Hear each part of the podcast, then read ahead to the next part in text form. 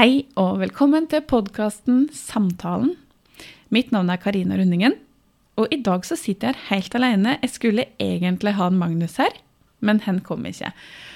Og han er jo ute og reiser med forestillinga si Jævelungen. Og de temaene som vi har tatt opp i podkasten her, er jo også temaer som han forteller om i forestillinga si. Og jeg er jo, som jeg har sagt også i podkasten, en lytter, så jeg kjenner det er litt sånn ubehagelig å skulle sitte her og snakke alene, men vi må bare kjøre på. Jeg tenker det er greit å ta en oppsummering av hvilke temaer vi har snakka om. Og hvis du husker, så snakka vi i første episode om dette med menn og følelser. Og er det sånn at menn har mindre følelser enn damer? Eller er det det at de viser det på en annen måte? Og det vi kom fram til, er jo at vi har like mye følelser, men at menn kanskje viser det på en annen måte, eller er ikke så gode på å uttrykke det. Ofte så kan jo kanskje kvinner oppleve at menn ikke lytter, for at vi ønsker kanskje å komme med et problem eller et eller annet som har opplevd uh, om dagen eller på jobben, som vi har lyst til å snakke om. Og så går menn veldig ofte rett inn i det fiksemoduset. Ja, men du kan bare gjøre det, eller gi noe råd, eller Og så trenger vi kvinner egentlig bare at du lytter. Og så blir det en sånn mismatch på at eh, kvinnene kanskje blir sure for at eh, mennene ikke bare lytter. Og da handler det jo for oss kvinner om å si fra at eh, vet du, du trenger ikke fikse noe, jeg vil bare at du skal lytte. Så kan menn lene seg tilbake og bare åh, ok, ja, da kan jeg bare slappe av, så kan jeg bare lytte litt. Jeg trenger ikke å fikse her. Så jeg tenker at menn har veldig mye følelser, og like mye som oss damer. Men det er det at vi må slutte oss å fortelle menn at de skal være så sterke og barske eh, og tåle alt, og at de er dårlige på å vise følelser. For da er det jo ikke noe rart om de ikke gjør det, tenker jeg. Så hadde vi jo også en episode om eh, dette med depresjon, der vi snakka litt om dette med forskjellen på å være deppa og det å ha en depresjon. For du kan jo være deppa, ha en dårlig dag, være nedfor uten at det trenger å være en depresjon. For når det kommer til depresjon, så blir det mer en sånn vedvarende håpløshet, et mørke som det er vanskelig å komme seg ut av, og at det, det foregår over tid. Og som også da påvirker hverdagen din, med hva du velger å gjøre, hva du et, f.eks. Søvn vil påvirkes, at du isolerer deg mer, og måten du behandler deg sjøl på. Og når vi er inne på søvn, da, så snakka vi Eon Magnus har også snakka om dette med søvnproblemer, og han har fortalt om sine utfordringer i forhold til søvn. Og hvor ødeleggende det er i hverdagen når du får for lite søvn.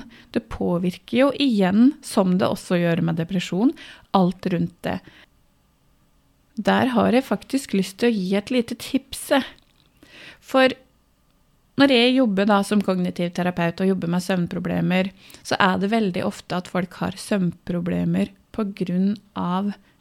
tanker. At det er tankekjør.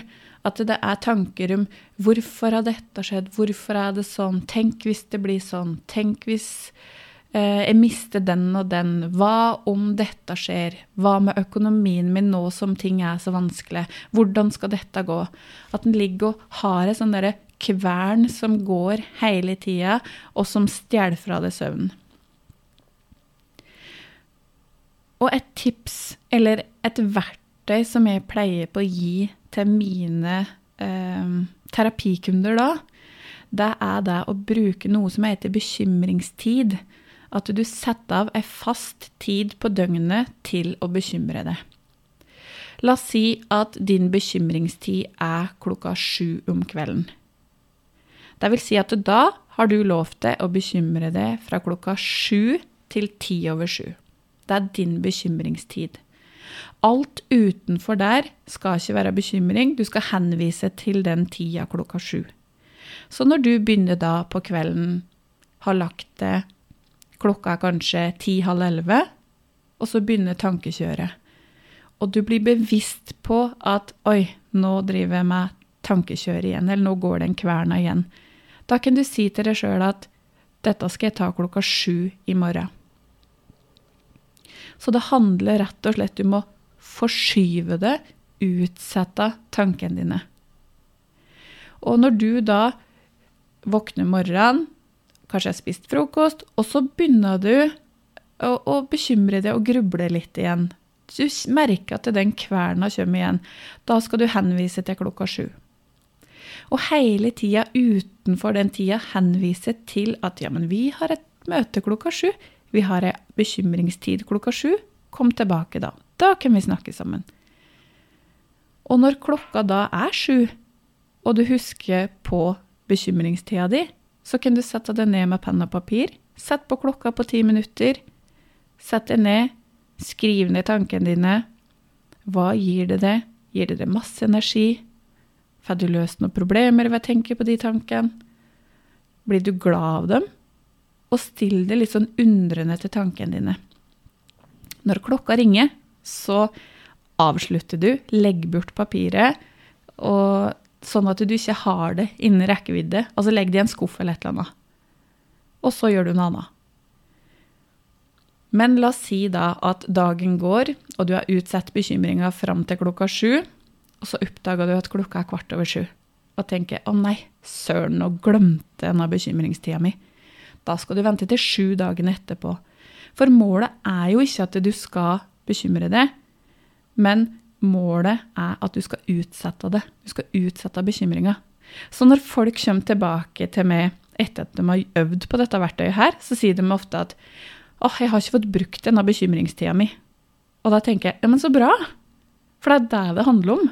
At du ikke skal bruke den bekymringstida, men at du skal utsette tankene dine. Og dette her handler jo om å øve. Så det var dagens verktøy fra, uh, fra meg i dag. Jeg og Magnus snakka jo også om dette med kjærlighet. Um, og jeg var nok veldig enspora når vi begynte å snakke om det, og tenkte kjærlighet på dette med kjærester og elske noen. Og så er det jo så viktig dette med å elske seg sjøl også.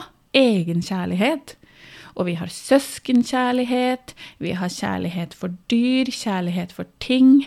Så det er jo på en måte så mye mer enn det jeg hadde tenkt, så det var veldig godt å kunne snakke med Magnus om dette der. Eh, og han fortalte jo også en historie som på en måte kanskje har ødelagt litt det kjærlighets... Um, eller forholdet til kjærlighet, da. Som var en historie som var veldig stygg, egentlig. Og som han sjøl sier, at han ser på seg sjøl som følelsesmessig haltende. Og jeg vet ikke om jeg er helt enig, Magnus, men eh, det kan vi jo snakke litt mer om når du er tilbake òg. Vi har også snakka om angst. Og det at å lære seg at angst er egentlig en venn. Altså det handler om å bli venn med angsten, og at angsten er en overlevelsesmekanisme som vi faktisk trenger å ha for å overleve. At angsten sier fra at du, nå må du passe det, der er det, der er det noe farlig. Du må passe det, der er det et stup, så du ikke går utafor der. Nå må du ikke gå på rødt lys, for da kan du bli påkjørt. Nå kommer det en bjørn etter deg, kom igjen og spring. Det er jo vår angstreaksjon. Men det er jo den derre angsten som sier fra bare fordi at du er i kanskje en stor folkemengde, eller at uh, For min del, da, når jeg ser en edderkopp, så kommer jo den angsten for full guffe og sier at nå må du komme deg unna, Karina, for dette er farlig, da. Så veit jo jeg med den rasjonelle, fornuftige delen av meg at det ikke er farlig. Men angsten har tatt litt stor plass der, da. Så det er den angsten som hemmer deg i hverdagen, som en trenger å jobbe litt med. Og det å da møte den angsten, f.eks. dette med eksponering Jeg veit at det er veldig vanskelig, for jeg har prøvd, og jeg, er egentlig ikke interessert i å møte edderkopper. Jeg er livredd. Så det er jo en angst som jeg vet at jeg trenger å jobbe med. Men når ikke jeg jobber med dette, så er det jo angsten som sitter i førersetet, og ikke jeg. Da er det jo angsten som styrer livet mitt akkurat på dette der. Så det handler jo om å vite hva angst er for noe, at det ikke er farlig, at det er en litt sånn overaktiv reptilhjerne da, som sier fra litt for ofte. Og, og kanskje ta tilbake det førersetet. Sette seg sjøl i førersetet. Og angst er jo ekstremt ubehagelig. Det er jo veldig hemmende, og du, dette der med hjertebank, skjelvinger, du blir nummen i hendene, kan bli nummen i beina. Det påvirker fordøyelsen. Det påvirker så mye, da. Og det er så ubehagelig, og vi vil jo helst ikke ha det ubehagelig. Derfor så prøver vi å finne litt sånn strategier som gjør at angsten blir mindre. Sånn som f.eks. trygghetssøkende strategier. At du begynner å unngå ting, eller at um, Hvis den f.eks. har en frykt for å kjøre bil, så kan den ringe til noen mens den kjører bil, så føler den seg litt tryggere. Det er en litt sånn trygghetssøkende strategi. Og det er jo strategier som bare er med på å opprettholde angsten, da. Og ensomhet er jo et tema som vi har snakka om. Og det å Forskjellen på å være ensom og å være alene. For du trenger egentlig ikke bare Altså, du trenger ikke å være alene for å føle deg ensom. For ensom kan du også være sammen med mange andre. For den ensomhetsfølelsen, det er en mer sånn dyptliggende vond følelse enn den der følelsen av å være alene. For du kan være alene uh, og føle det litt sånn ensomt fordi du ikke har noen rundt deg. Men så fort du kommer sammen med andre, så blir den følelsen borte. Men når du har en sånn dyptliggende ensomhetsfølelse, så vil ikke den bli borte selv om du kommer sammen med andre, for det ligger så mye mer under der. Det ligger en sånn derre Ja, kall det en sånn håpløshet, et sånt mørke, da. Litt sånn depresjonslignende symptomer som ligger på en måte under der. Og det er jo veldig mange som er ensomme og så er vi jo ulike i forhold til at noen er ekstroverte og noen er introverte.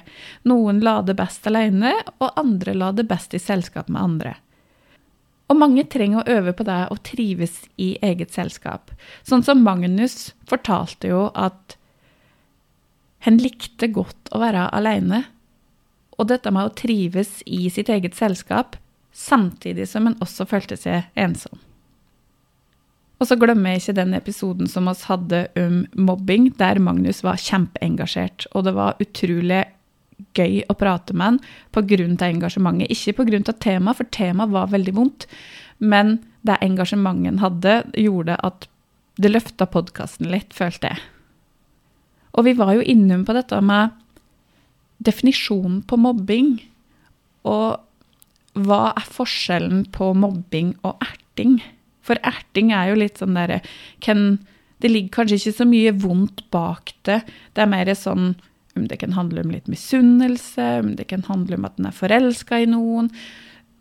Mens den mobbinga er jo Det er å plage folk over tid. Plage andre. At det foregår over tid. At det blir en sånn derre gjentagende om det er fysisk mobbing, psykisk mobbing, men at det gjentar seg, og at det foregår over lang tid, sånn at det virkelig får satt seg og bli en sånn derre kjerneantakelse om at det, OK, ja, men da er jeg sånn, da. Hvis at andre hele tida forteller meg at jeg er sånn, eller viser meg, møter meg på den måten, så er jeg sånn. Og så mister du mer trua på deg sjøl, og det blir den derre Ja, så skapes det kanskje den ensomheten, depresjon, angst kan dukke opp. Så det henger jo sammen, alt det vi snakker om her. Det er jo psykisk helse. Så det er jo veldig, veldig viktig tema vi snakker om. Og det siste temaet vi snakka om, var jo selvfølelse, som er mitt hjertebarn. Hvor viktig det er å jobbe med selvfølelsen. Og selvfølelsen vår den skapes jo de sju første leveårene av livet vårt. Da er selvfølelsen skapt av våre omsorgspersoner og dem rundt oss. Fra vi er sånn ca. 7 til ja, 12-13 år, så er vi med å påvirke sjøl. Og etter 13 så er det stort sett at vi gjør det aleine, at vi påvirker den aleine. Men de sju første leveårene er jo de viktigste. Og hvis du blir møtt med betinga kjærlighet, at eh, du må fortjene ros, du må fortjene kjærligheten, du må gjøre noe eller være på en spesiell måte for at du skal få den kjærligheten, så lærer du jo lærer du det å bli veldig ytrestyrt. At uh, du trenger en sånn ros og anerkjennelse og bekreftelse utenifra. At hvis jeg bare er flink nok, hvis jeg bare ikke sier meningen mine, hvis jeg bare eh, alltid sier ja, blir en sånn people pleaser, da blir jeg elska. Da vil andre like meg. Og det samme med følelser. Ikke sant? Hvis du blir møtt med at å, du må slutte å være så sint. Hvis du skal være så sint, så kan du gå på rommet og skamme deg, eller fy skam deg, eller sette deg i skammekroken, eller um, Slutt å grine, det er ingenting å grine for. At du ikke lærer å regulere følelsene dine. Følelsene dine anerkjennes ikke. Du får ikke lov til å vise følelser. Da vil det også skje noe med selvfølelsen din. Og god selvfølelse er jo å tåle det sjøl på godt og på vondt. At du tåler hele deg med alt hva det innebærer av negative tanker, vonde følelser, alt som du syns er bra med deg sjøl. At du tåler å ha en dårlig dag, at du tåler å kjenne på angsten, ubehaget, og at det der ikke har noe å si for din verdi. Veldig ofte så opplever jeg at folk legger verdien sin i det de gjør, eller hvordan de ser ut. Hvis det bare blir litt slankere, hvis jeg kjøper meg litt finere klær, hvis jeg har en eh, fin bil, hvis jeg har en bra jobb, hvis jeg gjør det bra, da har jeg verdi, da er jeg bra nok. Men så skjer det noe, og så kanskje mista du jobben din.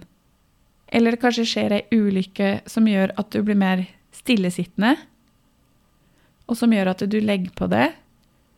Kanskje ja, mista jobben din, det skjer Livet skjer, ikke sant? Hva da? Hva med din verdi da? Hvis at du har lagt all din verdi i det som er ytre, hvordan du ser ut, hva du gjør, hvilken jobb du har, hvilken bil du har, um, hvilke klær du har, hva som passer deg, hvilken størrelse du har, hva er vekta di Da har du jo ikke verdi lenger. Og det å jobbe med selvfølelsen, det å lære seg å tåle seg sjøl på godt og på vondt, da kunne du faktisk lagt på deg noen kilo, mista jobben din, uten at du har tenkt at da har jeg ikke verdi, fordi du har verdi i den du er, bare fordi du er.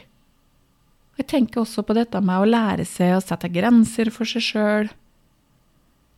Lære seg å skille hvilke følelser er dette. Er det dine følelser som du påfører meg, er det mine følelser? Hva er mitt, hva er ditt? Veldig ofte så har vi lett for å peke finger og si at åh, du da, du er sånn. Men da er det alltid tre fingre som peker tilbake på deg sjøl, og da handler det om å gå inn i deg sjøl og tenke ok, hva er mitt her? Hva er det jeg kjenner på? Hva er det som gjør at jeg blir irritert på denne personen? Hva er det i meg som trigges? Og dette er en øvelse, altså. Jeg har jobba med dette lenge, og det er fryktelig vanskelig. Men det er mulig å få det til. Dette er jo temaene som vi har snakka om. Vi hadde også en episode der vi ikke hadde noe tema, der vi bare lot praten gå for å se om det fungerte, og det fungerte som fjell. For Magnus er veldig glad i å prate, og jeg er veldig god i det å lytte, og veldig glad i å lytte. Lener meg tilbake. Um, er ikke så glad i å sitte sånn som jeg gjør nå, men nå får jeg øvd meg litt på det òg. Og når vi kommer innpå temaer som jula, 90-tallet, da går skravla. Det merker jeg. Derfor så har vi jo et ønske om å fortsette en sesong to, som kanskje da bare er 90-tallet. Ulike tema om 90-tallet. Jeg syns det er veldig veldig hyggelig å prate med en Magnus. Jeg syns det er kjempefint at han kommer ned på kontoret mitt, og vi har en prat om rett og slett livet, om alt og ingenting. Det gir meg masse, masse god energi. Så vi har lyst til å fortsette å snakke sammen. Og for at vi skal gjøre det, så er det jo nødt til å rate denne podkasten her. Gi oss noen stjerner. Eh, aller helst fem stjerner, for det er jo det vi syns er finest. Og så har vi jo oppretta også da en Facebook-side som heter Samtalen. Der du kan gå inn og skrive om du har noen tilbakemeldinger, eller om du har noe tema som du ønsker at vi skal snakke om. Eller om du bare har lyst til å si hei. Jeg kjenner gleder meg veldig nå til Magnus kommer tilbake. Vi skal jo ha, ettersom jeg har forstått, ei juleepisode der jeg skal snakke om jula. Det nærmer seg jo jul. Magnus er veldig, veldig glad i jula, har jeg skjønt. Jeg er nok ikke helt der. Jeg tenker at jula er veldig koselig, og det er mange minner. Men at jula er mer sånn som jeg skaper for mine barn. Da. At jula er for ungene mine. Men jeg trenger litt å prate med Magnus om dette for å få også den der gode julefølelsen. For jeg har jo hatt den en gang i tida. Jeg hadde jo det, jeg òg. Det hen beskriver, hadde jo jeg som barn. Og jeg er så glad for at hen kan kanskje spre den julegleden til meg og til alle døkk lyttere der ute. Så jeg gleder meg til Magnus kommer tilbake, og at vi kan skravle mer. Nå blir ikke dette en lang episode, for jeg er ikke noe god på dette med monolog. Jeg er ikke så glad i å bare snakke alene. Føler det blir litt sånn kleint, kanskje. Men jeg øver. Og øvelse gjør mester. Det er litt sånn derre ting i livet som jeg tar med meg, er at eh, så lenge du øver på noe, så blir du god på det til slutt. Så da vil jeg bare ønske deg en kjempefin dag videre. Nyt høstværet. Elska høsten med alle fine farger. Og den derre fortsatt sol, men ikke for varmt. Det syns jeg er veldig fint. Og husk å rate oss. Takk for meg.